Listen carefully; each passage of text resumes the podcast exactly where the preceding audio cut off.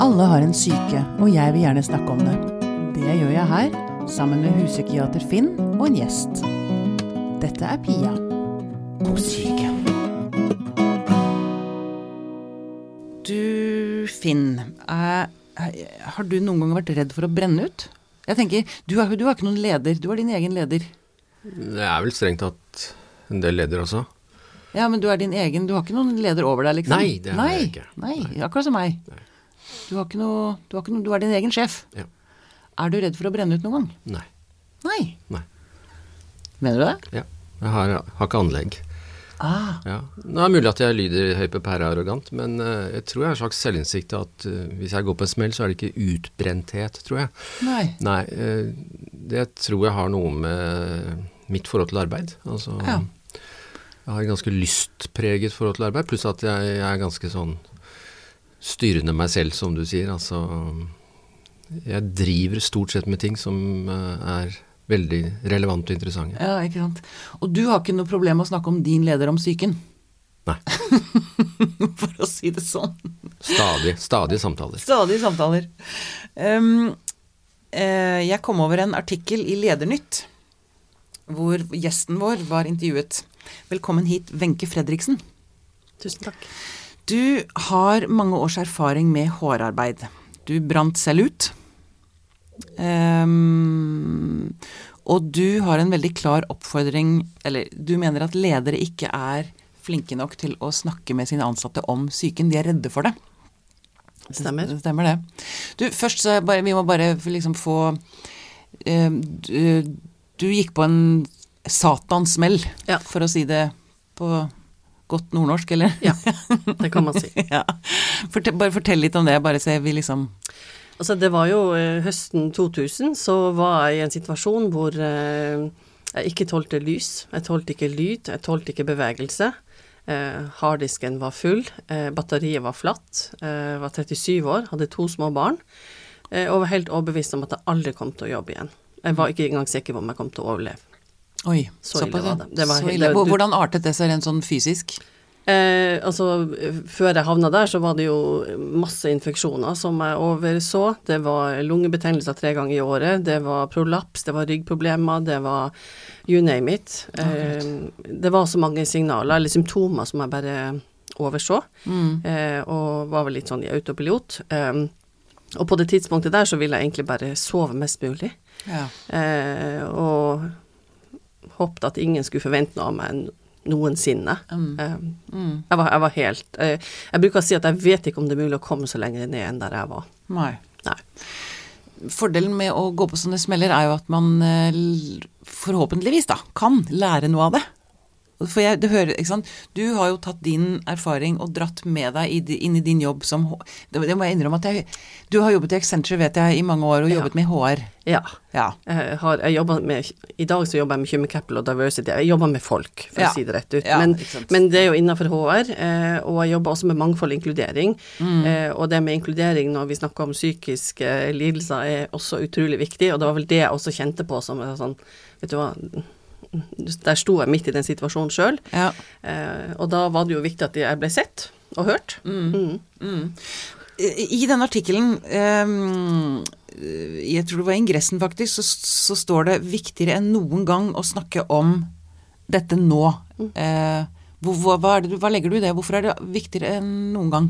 Altså, jeg, jeg tenker jo det at uh, vi står i en uh, utvikling med digitalisering og teknologiske teknologisk eh, hvor teknologien blir bare viktigere og viktigere. Eh, og da blir det å som leder å lede mennesker eh, blir bare viktigere og viktigere. Eh, det å få det beste ut av hver enkelt menneske, sånn at vi kan være kreative og innovative og senke skuldrene og føle at vi hører til.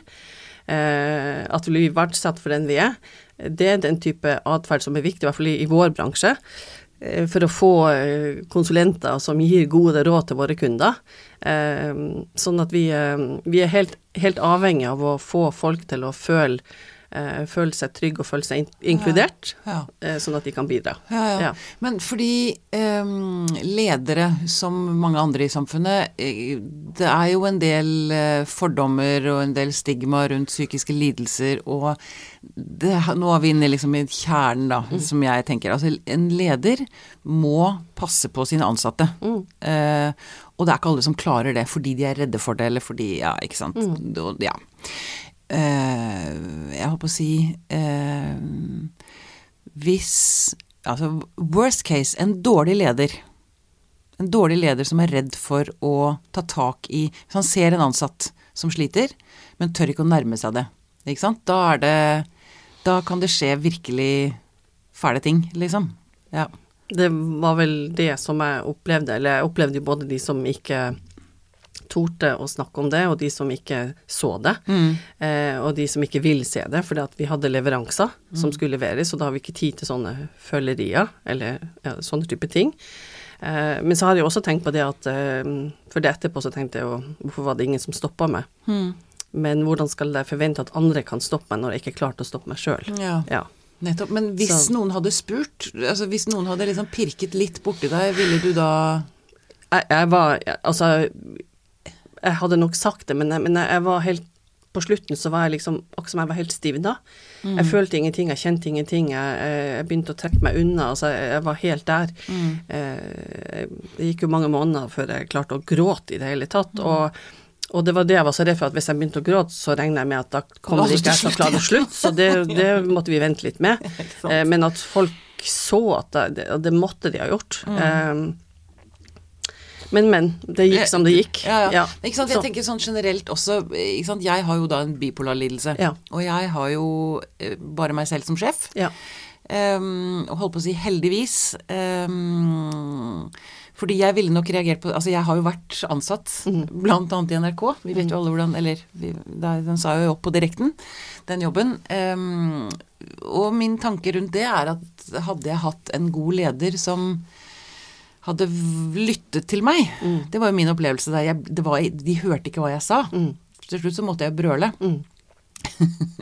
Da er vi to. Eh, ja, brø, brølte du òg? Jeg, bruker brø, øh, jeg brølte at jeg skulle til psykologen høyt, så når jeg gikk Gjorde tidlig, det? så sier jeg, bare for å utfordre miljøet, miljøet, når jeg kom tilbake, okay. så sier de 'jeg må gå tidlig, for jeg skal til psykologen', sånn, og folk bare Ok. Du går rett inn i stigma?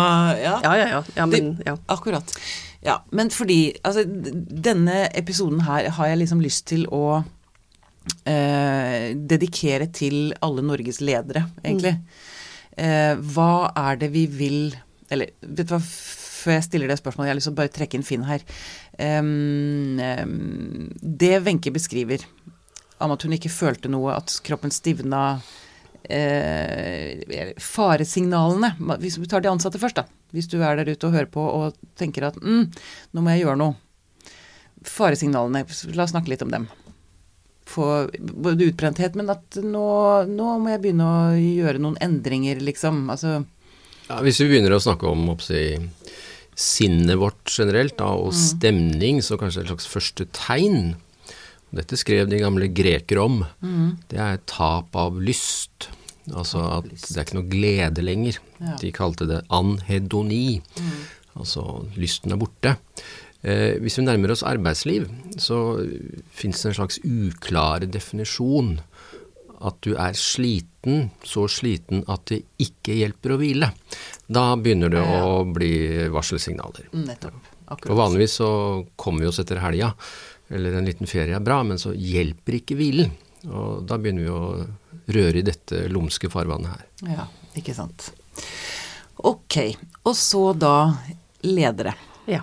Til alle ledere der ute. ja. Hvordan eh, Hva vil du eh, at ledere skal gjøre, Wenche? Jeg ønsker for det første at de skal være så tett på at de eh, har en god dialog med sine medarbeidere, at de forstår litt hvor de er i livet, eh, hva som skjer. Eh, og jeg tenker at en leders ansvar er å få det beste ut av hver enkelt medarbeider, eh, og vise at man bryr seg. Mm. at man ikke bare ser på de som en ressurs som er inne for å gjøre jobben, men at man må se hele mennesket. Eh, og jeg er jo også veldig tilhenger av det der med å, å, å vise sårbarhet også som leder, eh, for jeg tenker det skaper en, en, eh, en nærhet og, og en ja, troverdighet, tenker jeg, som leder. At man, man har ikke alle svarene, man, man, vet ikke alt. Og en, en, leder som tør å vise sårbarhet, er for meg eh, en god leder. En god leder. Mm. At man tør det sjøl. Fordi at det var jo sånn at når det her skjedde med meg, så det her er jo 18 år siden, men temaet er jo dessverre fortsatt like aktuelt. Um, så så var vi jo i en situasjon hvor jeg tenker at altså, psykisk helse, det hadde de fleste ikke. Det hadde kun de som sleit. Det var liksom sånn 2000 tidlig på i arbeidslivet, mm. så var det sånn at det, de fleste hadde nok ikke en psykisk helse, det var bare jeg som hadde det som sleit. Ja, um, og vi er på et helt annet sted i dag. Uh, og en annen ting som er spesielt, er jo når du jobber i en konsulentbransje hvor det er eh, hvor du bytter ledere hele tida. Altså det er ingen leder som følger deg. Du bytter prosjekter, du bytter ledere. Og hvis du da begynner å slite, så, det, så faller du liksom imellom. Mm. Eh, og det er jo risikoen med at når du jobber prosjektbasert, at du har eh, forskjellige ledere, som dette gjør at du kan miste oversikten. Mm. Men jo, selv de som har en fast leder, altså det er jo mange de ledere har, der ute som ja. har ansatte ja. som de ikke tør å De tør ikke å se. De er, de er kjemperedde for Og hva, hva, er det, hva, er det, de er redde for? Altså, eh, Min oppfatning at det man jo sier at F-ordet, F-word i, i, i business, det er følelser. Man er veldig redd for å snakke om følelser, og jeg tror man er redd for det skal ikke seg inn i det profesjonelle, liksom? Nei, jeg tror man er redd for uh, altså uh, følelser, at man begynner å gråte, eller at mm. man uh, får panikk, eller et eller annet sånt, og hvordan skal jeg håndtere det da? Jeg vil jo også tro at man er litt redd for egne følelser. jeg holder jo mye foredrag og forteller denne historien min, og, og jeg ser jo reaksjonene at det er ganske sterke, og det er klart det er en sterk historie, eh, men jeg tror mange kjenner seg litt igjen, og så blir man redd. Eh, ja. Og jeg tenker jo sånn at sammen så er vi mindre alene hvis vi tør å snakke om det her. Ja, ja, ja. Fordi det er, ikke sant, jeg tenker jo jeg kan, Hvis jeg hadde vært leder og hadde hørt dette, så hadde jeg tenkt åh, gud, må jeg lære meg det òg? Altså det Skal jeg være mor og far og uh, Ja. Um, hva tenker du, Finn, når du hører Wenche?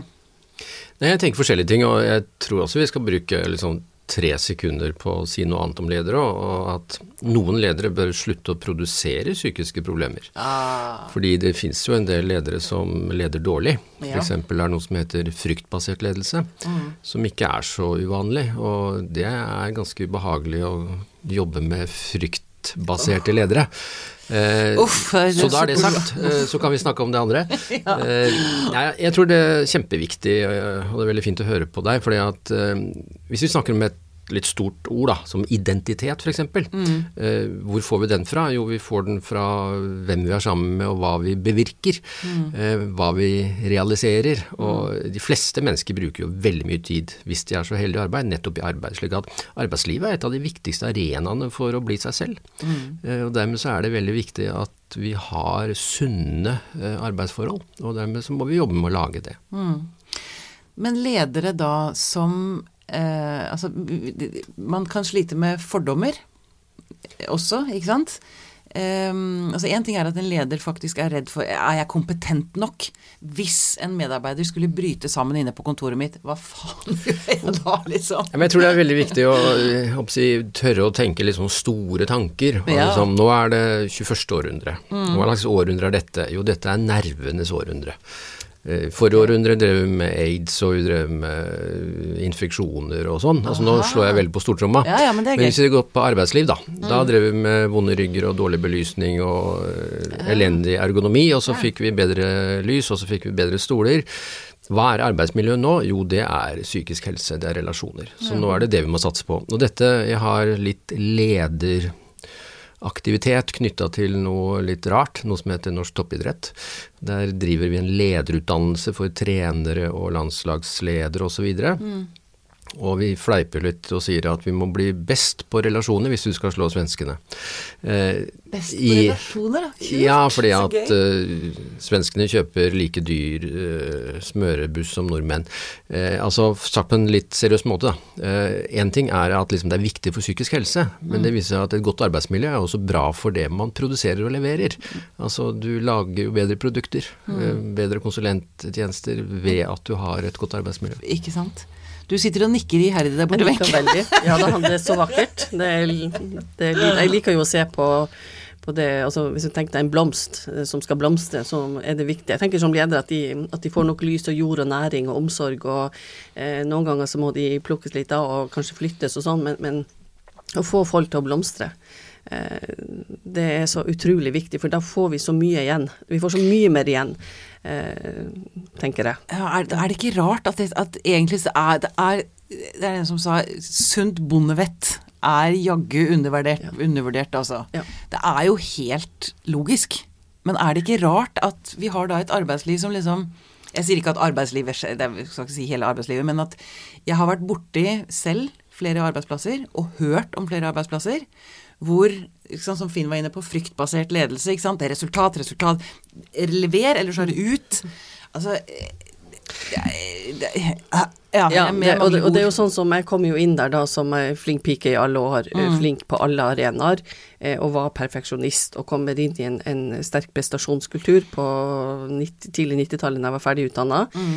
eh, og var vel aldri god nok. Eh, og kommer da inn i et miljø med en sterk prestasjonskultur, hvor vi også hadde disse vurderingene, sånn at du fikk en sånn mm, kaltes vel performance management, men at du fikk en vurdering på hvor god du var, og det var jo en sånn fordeling at det var et begrenset antall som kunne være de beste, og de fleste av oss var jo midt på treet. Mm. Eh, og, og, jeg som var vant til å ha vært best på alt mulig, plutselig så var jeg bare midt på treet, eh, for det var så masse flinke folk. Mm. Eh, og det å høre at du er midt på treet, det, det bidro jo ikke positivt til min følelse av verdi. Eh, du er helt middelmådig, du. Helt middelmådig, ja. Eh, og, og, og, det er klart at når du er i en sånn prestasjonskultur, mm. masse flinke unge folk som er sultne, og som kanskje ikke nødvendigvis kjenner sine grenser, så kan det skje ting som er, som er Og jeg, jeg, gikk jo rundt når, når, jeg først havna i din situasjon, så tenkte jeg at jeg, jeg er jo en reklamasjon. Du er en reklamasjon? Ja. Det må du forklare. Leveres tilbake. Ja, leveres ah, tilbake. Ah. Ja. Fordi at jeg ikke mestra Jeg var jo ikke flink på jobb, jeg var jo bare midt på treet. Eh, jeg ble jo syk så, som mamma, som på alle mm. arenaer. Så, mm. så jeg tenkte de får bare sende meg tilbake. Mm. Altså, og det er en vond følelse, altså. Ja. Ikke være god nok. Det er jo mm. det det handler om. At jeg ikke, ikke, ikke være Ja. ja. Ja. Jeg har bare lyst til å liksom vie det ut litt. Fordi én ting er sant, medarbeidere som blir presset så hardt, mm. eller presser seg selv så hardt, ja. at man brenner ut. Ja. Men jeg har lyst til å snakke litt mer også om bare psykiske lidelser i arbeidslivet. Ja. Eh, som jo også, jeg tenker, altså Det er viktig å liksom snakke om fordommene eller stigmaene som mm. ikke sant? Skal man f.eks. For fortelle Hvis jeg gikk til et ansettelsesintervju, mm. skulle jeg da fortelle min potensiell fremtidige arbeidsgiver om at jeg har en bipolar lidelse? Hvordan, ikke. Du syns ikke? Nei. Du, nei. Jeg syns du skal si at du er et menneske. Ja. Jo, men ikke sant? Ja. Ikke sant? Jeg, dette vet jeg at mange der ute ja. sant, Man lurer på det. Hvor, hvor, åpen skal man være? Hvor, eh, hvor inkluderende er egentlig arbeidslivet mm. hvis man sliter med angst mm. eller depresjon eller mm. eh, spiseforstyrrelse eller Ikke sant? Da, man tenk, jeg tenker jo også litt sånn Jeg er litt sånn feilvare. Ikke sant? Du òg. Ja, ja. ja. Vi to. Jo, jo, jo men det tror jeg veldig mange som slåss med psyken, kan kjenne på. Og, og liksom, og, ja, at man i hvert fall forholder seg til den, den tanken, da. Og arbeidslivet, og spesielt i arbeidslivet hvor man skal levere og prestere og være på høyden hele tiden, så er det Det er ikke, det er ikke så lett. Nei, jeg, jeg skjønner det, ja. Mm, og, og, for en leder, liksom. Altså, ja. Altså, jeg tenker bare sånn at uh, Jeg har jo sagt at jeg skal sett utbrenthet på Nå har jeg vært på samme arbeidsplass, så jeg har jo mm. hull i CV-en, men det vises jo ikke utad. Uh, men jeg har jo tenkt at det skal stå på min CV, det at jeg har mm. vært utbrent og har et kjempelangt hull i min CV. Det tok meg jo tre år å komme tilbake til livet mm. og arbeidslivet. Mm. Men jeg ser på det som kanskje den viktigste kompetansen i mitt liv. Ikke sant? Uh, det jeg har lært der. Så jeg tenker hvis, hvis vi klarer et arbeidsliv som klarer å se på at vet du hva, ja, vi har opplevd ting, og det er livet, men vi har også lært utrolig mye. At det at du har ditt og du har det. Altså det er jo en kompetanse i seg sjøl. Mm. Og jeg tenker jo kanskje mest av alt som gjorde meg mye mer ydmyk. Mm. For at vi må tørre å være hele mennesker. Vi er så redd for at hvis fasaden ikke er i orden og alt det her, at, for å ikke være god nok. Eh, men det er klart, jeg vil jo kanskje ikke være den typiske leder som eh, Men jeg hadde ikke Jeg hadde kanskje tatt Altså eh, det, altså så lenge du eh, Det er kanskje mer når du har fått jobben, så ville jeg kanskje sagt ok, nå er det sånn at jeg har dette, og kanskje i visse perioder så krever det litt tilrettelegging, men, men, stort sett så går det bra. Mm. Uh, så um, mm. Ja. Sånn burde det vært, i hvert fall. Ja, og det er jo Ja. veldig forskjell på arbeidsplass. Jeg jeg, jo, Ja. jeg jobbet jo litt i Leger uten grenser òg. Ja. Og da var det joggehøyt under taket, Ja. liksom. Altså, vi fleipa jo med det at eh, det var hun som ansatte meg, hun ansatte en annen som også ble tvangsinnlagt. Ja. Så vi lo litt av det. Å, du ansetter bare sånne folk som blir tvangsinnlagt. Uten grenser, ja. Uten grenser, ja. Ja. Full, fullstendig grenseløse. Ja. Ja. Um, eh, hva er ditt inntrykk, Finn, av eh, arbeidslivet og psyken? Altså jeg liker jo å være litt sånn generell eh, positiv og optimist på vegne av snakket om psyken. Altså det har skjedd vanvittig mye på la oss si tre tiår. Ja. Og så kan man si at det er ikke entydig bra alt som skjer, men altså når det gjelder liksom å åpne for å ta bort tabuer og lage språk om, så er det, går vi en veldig rettere vei. Samtidig så støter vi hele tiden på en del sånn klassiske myter, om det er mor eller far eller helsesøster eller leder. Så har de ofte en idé om at hvis de tar opp et tema, så kan folk bli smittet. Altså hvis jeg sier selvmord, så får du lyst til å ta livet ditt, eller hvis jeg sier spiseforstyrrelse, så slutter du å spise. Det er jo ikke sånn det er. Nei. Altså man påfører ikke folk lidelser ved å ha et språk om det. Eh, Så punkt én, avliv den myten. Altså du blir ikke dårlig av å snakke om dårlige følelser. Og problemet blir ikke borte bare fordi du slutter å snakke om det. Nei. Ja, Wenche? Altså, jeg ser jo sånn som hos oss, siden det her skjedde, så var jo jeg den første, og jeg trodde jeg var den eneste hos oss som dette skjedde med. Eh, så det jeg da gjorde etter hvert når jeg kom tilbake i jobb, så, så står jo jeg der i døra, og det var i disse tøffe .com etter altså tidene der, hvor de skulle nedbemanne med 300 personer. Det var virkelig krise, og der står jeg med P-diagnosen i hånda og sier 'her er jeg'. Eh, og eh, det som jeg gjorde da når jeg kom tilbake, det var jo å være åpen om hva jeg har vært gjennom. Jeg fortalte våre ledere jeg har opplevd dette, jeg snakker om angst og panikk, angst og depresjon, og jeg så jo at vedkommende syntes at det her var veldig ubehagelig. Eh, og det som jeg da gjorde, var at jeg skrev jo i et sånt glossy magasin, så fortalte jeg historien. Ja. Eh, eh, og du kan si det, at dette er et firma hvor vi fokuserer på suksess, og, og det har aldri vært en sånn artikkel. Men når jeg hadde gjort det, så tror jeg det var rundt 20 stykker som kom til meg og sa det at jeg har også vært der, men det er fint hvis du kan fronte. Og da skjønte jeg vi er ikke alene. Og så begynte jeg å skjønne ut fra statistikk at vet du hva, eh, lettere psykisk lidelse er jo det, det er jo det som skjer. Det er jo det som er vår helsemessige risiko. Eh, stress, altså utbrenthet.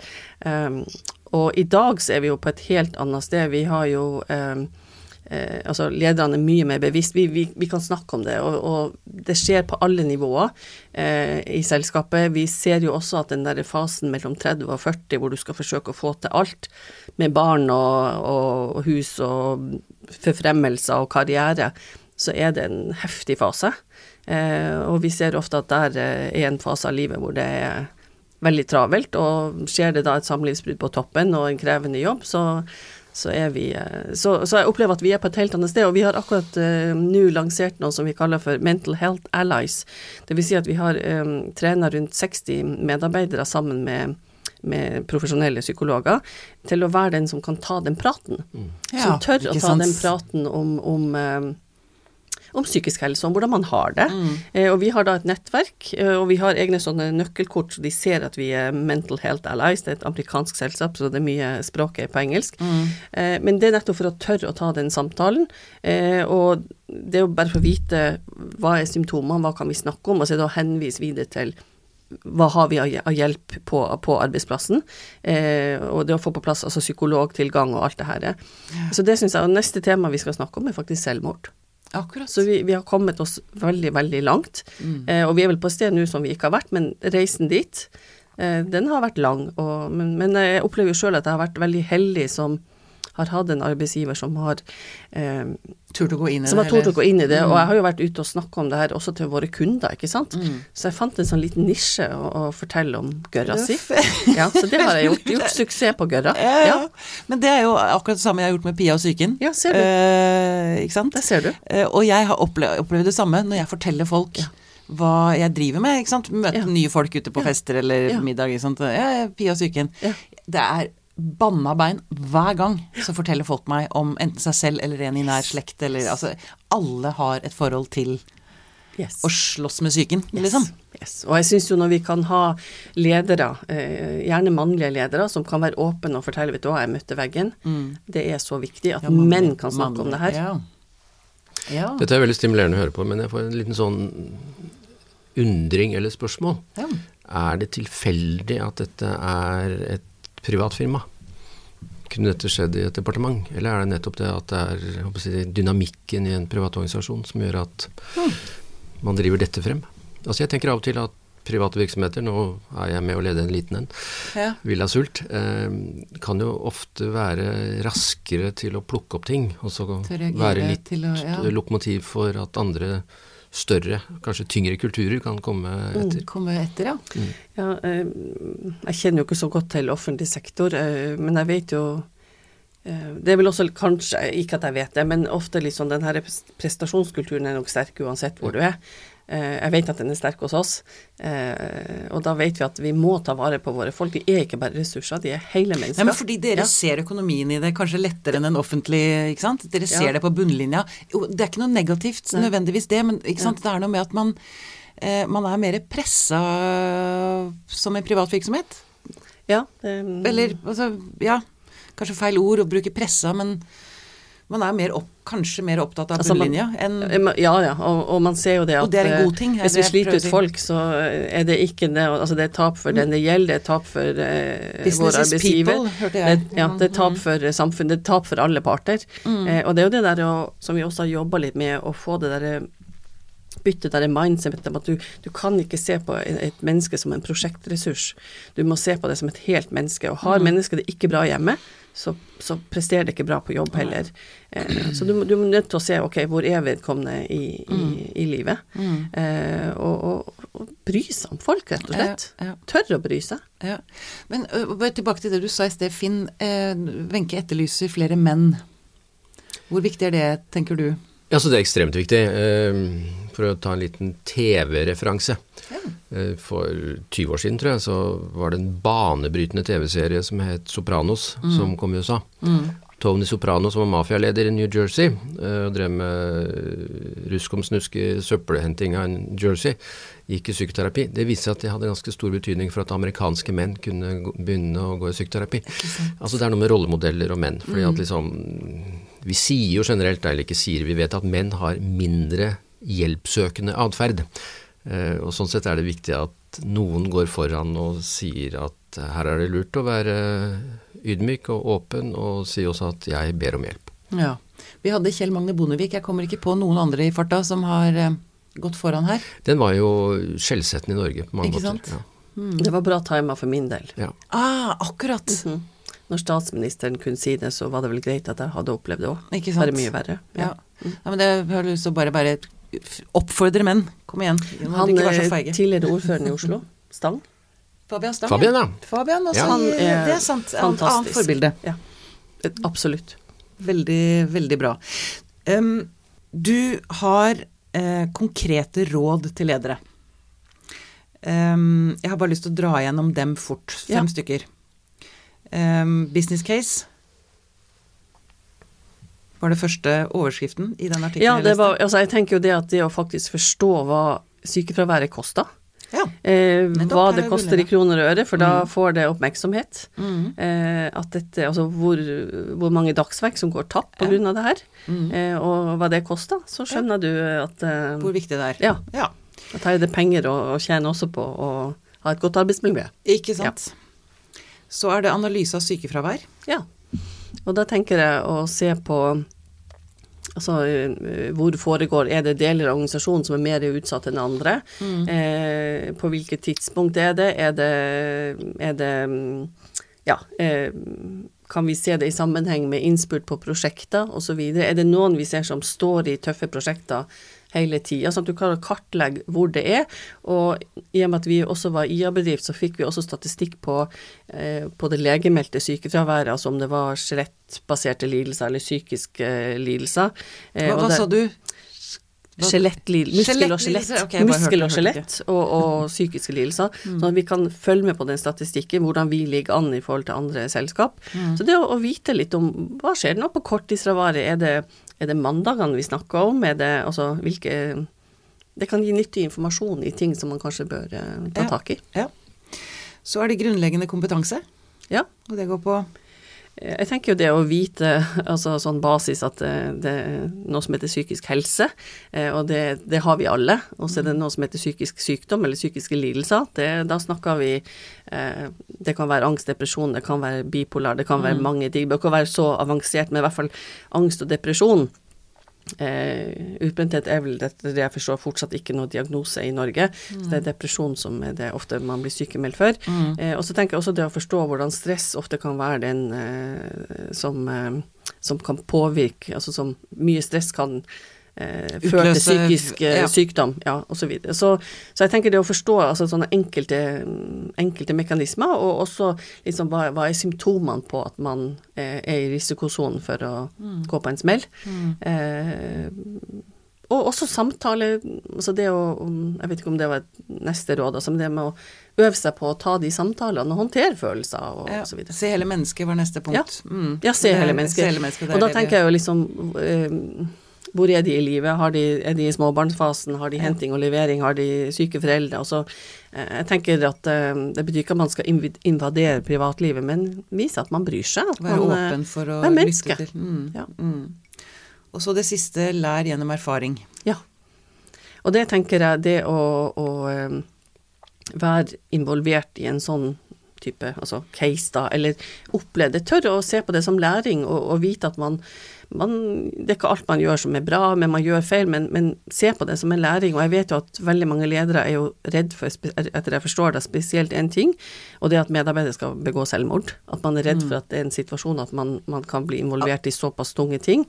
Men, men jeg tenker jo det, eh, bruk anledninga til å lære, og, og prøve seg frem, og så og lære ut av det. Så jeg, jeg tenker det er mye fin læring i å ha en medarbeider som altså, opplever noe sånt. Som, som, du kan som sliter Som med sliter, noe. ja, Mm. ja. Og, det, og det, det du sa i sted, å va, tørre å være sårbar, også som leder, og si at vet du hva, jeg er litt på gyngende grunn Yes, her. Ja. yes, Mm. ja. Ehm, noe du har lyst til å føye til, Finn, til det Wenche sier? Noen Nei, altså Jeg slutter meg til alt, og jeg har lest artikkelen med stor glede. Men jeg får lyst til å snakke litt om uh, eh, utbrenthet. Ja. Eh, fordi det er et ord. Mm. man lurer på hvorfor man begynte å bruke det i arbeidslivet. Så begynner man å lete, og så fant man ordet dukker opp i en roman av Graham Greene et sted, 'Burnout'. Mm. så viser det seg at eh, ordet har vi henta i arbeidslivet eh, fra en eh, amerikaner som i 1974 skrev en artikkel om eh, frivillige i New York som jobbet med utbrente narkomane. ja. Altså De jobba gratis og prøvde å hjelpe dem, og så sprakk de hele tiden. Eh, og da begynte de å beskrive seg selv at de som jobbet med burnouts og brant for de utbrente, de ble selv utbrent. Ja. Slik at begrepet eh, begynte vi å anvende på folk som var i brennende yrker. Av type prester, psykiatere, psykologer, lærere. lærere. Som nettopp investerte veldig mye av seg selv. Eh, og så, Jeg tror jeg selv skrev en artikkel en gang på 90-tallet hvor jeg skrev om eh, de nybrente. De nybrente. For da plutselig så så vi at dette begrepet som vi hadde brukt på omsorgsyrker, plutselig så begynte det å dukke opp eh, i IT-bransjer osv. Og da handlet det kanskje om at da kom det nye bransjer eh, hvor det var mye brenning. Altså det var ganske intenst. Eh, Det var ikke bare hardt arbeid, det var hard moro. Eh, og du ble ikke bare utbyttet som arbeidskraft, eller du ble ikke det. Du hadde det veldig morsomt på jobb. Du utbyttet deg selv. Altså du var den som dro på for å sprenge egne grenser. Og sånn sett så fikk vi liksom dette nye versjoner av dette begrepet. Og det er et interessant begrep. eh, og vet ikke helt hva det er, men ofte så er det arbeidsrelatert depresjon. Altså, derfor så har vi ikke en egen diagnose for det. Eh, det man vet om det, er at det er ofte ikke hardt arbeid som er problemet med utbrenthet. Det er dårlige rammer for arbeidet ditt. Dårlig kontroll over arbeidssituasjonen. Du er utdanna for noe, så får du ikke gjort det du er. Altså Du er sykepleier på Ullevål og har store ideer om å hjelpe syke mennesker, så driver du egentlig bare flytter senger på korridoren.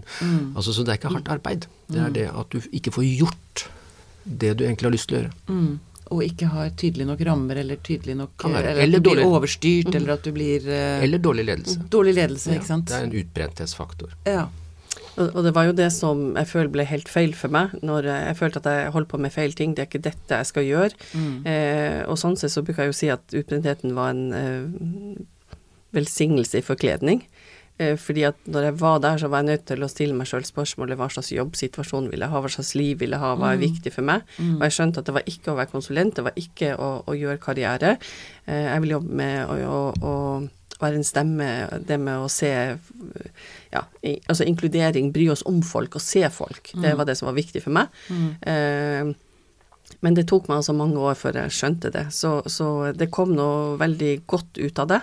Eh, men, eh, og også det her med jeg, jeg var ikke den som jobba masse, det var ikke det som gjorde det. Men jeg var bare ikke god nok, for jeg jobba med ting som jeg ikke kunne, mm. ikke hadde noe passion for, eller eh, lidenskap for. Det har jeg i dag, og det er jo noe helt annet. Det er noe helt annet. Så eh, ja. Det er, jeg, jeg, jeg satt og tenkte litt på Jeg, jeg snakket med eh, et menneske som jeg har samarbeidet med. Og jeg liksom satt og snakket, tenkte, tenkte på hva, hva, jeg, hva jeg vil med mitt lille firma. Og, så, og da sa jeg det helt sånn spontant at uh, jeg skal tjene penger, og så skal jeg ha det gøy. Det er egentlig så enkelt, liksom. Ja. På en eller annen måte. Skal tjene penger. Jeg må tjene penger for å leve, men jeg skal jaggu ha det moro underveis, altså. Ikke Må ha det fint. Ikke sant? Hvis ikke så er det jo meningsløst. Ja. Og en ting som bekymrer meg nå, er jo disse unge ja, Det er vel generasjon prestasjon man kaller de. Jeg har Mm. jo sjøl en sønn på 19 som skal bli rik og berømt advokat. Akkurat. Ja. Eh, og, eh, og jeg snakka med han en gang og spurte han liksom, hva, hva er du redd for? Og så sier han han er redd for å mislykkes. Og så sier jeg, du hva, jeg har tryna så i mitt liv, og det er det beste som har skjedd meg. Jeg har lært så mye av det. Vi burde egentlig feire av vi gjør, og, og tørre å gjøre feil, og si at wow, det var en fantastisk feil å lære. Eh, så jeg er bekymra for de som kommer inn, eh, som har så høye krav til seg sjøl, som skal inn da i dette arbeidslivet, mm. som skal være best på alt. Og vi snakker ikke om å få femmere, vi snakker om seksere. Mm. og, og, eh, og, og ja, jeg er bekymra for, for hvordan det skal gå i arbeidslivet, og derfor så tror jeg det er utrolig viktig at vi klarer å snakke om det her. Og jeg jobba jo veldig systematisk med hvilke krav som var satt til meg selv. Jeg fikk jo oppdrag av min psykolog å lage en liste over alle kravene til Wenche. Og det var vel en liste på rundt 30 punkter på alt jeg skulle gjøre, og leverte den til min mann, og han skulle se igjennom, og så tenkte jeg han skulle si at Wenche, hvis du skal gjøre alt det her, så Nei, eh, så sa han nei, men det var, det var et par ting som var glemt, da. Eh, for han skulle gjerne at det luka litt mer i hagen. Så han, mannen din sa ja, det? han la til det, og så holdt jeg jo på å slå han, så han, han var jo for å provosere meg litt. Så kom jeg tilbake til psykologen med denne lista med 32 punkter, og så ser han på meg og så sier han Wenche, hvis du skal gjøre og være alt det her, så må du ansette to personer til. Ja. Ja. Så det var Da fikk du et bra bilde på Da fikk jeg et bra bilde på at ok, kanskje ikke. Kanskje så kanskje ikke gjør gjøre alt det her. Nei. Nei. Nei og da, så da kutta du vekk to tredjedeler? Ja. ja. Det, er, det er en god, kan faktisk være en ganske god øvelse å gjøre for seg Det selv, det der kanskje. Det var det. Egentlig. Mm. Noe du har lyst til å føye til mot slutten her, Finn? Nei, men jeg tror i og for seg det er ålreit å liksom reflektere litt over dette at eh, vi er opptatt av at vi plages av alt som er negativt, men kanskje plages vi vel så mye av for mye positivitet. Altså, nå skal jeg forklare meg, mm. at forventningene til at alt skal være så bra. Ja. Ergo så er det så mye man skal leve opp til. Altså man skal ha det bra hele tiden, man skal være lykkelig hele tiden, man skal osv. Se fantastisk ut, og man skal Ja, så jeg er Mm. liksom Jeg er jo veldig opptatt av å tenke positivt, men jeg tenker at det bør vi først gjøre når vi har lært oss å tenke negativt. Ja. Altså lære å sette navn på det som er vanskelig, lære å håndtere det som er vanskelig, så vi ikke lager en sånn idyll av at alt som burde ha vært så veldig bra, på en måte. Ja. Altså realistiske vurderinger av vår egen livssituasjon. ja. Mer realisme høres eh, bra ut, det. Jeg tenker jo det å vise sårbarhet. Jeg tror det er mange som ser på det som svakhet, Mm. men det er jo styrke. Det er styrke. Ja. Ja. Jeg har lyst til å avslutte med et um, sitat som har fulgt meg i mange år, fra en av mine store helter her i landet, Håkon Bleken. Han skrev i sin bok, som jeg nå ikke husker tittelen på, eh, men sitatet er Klokere blir man langsomt, og gjerne mot sin vilje. det syns jeg er en veldig fin Helt eh, er- ja. Veldig bra. Wenche Fredriksen, tusen takk for at du kom til oss.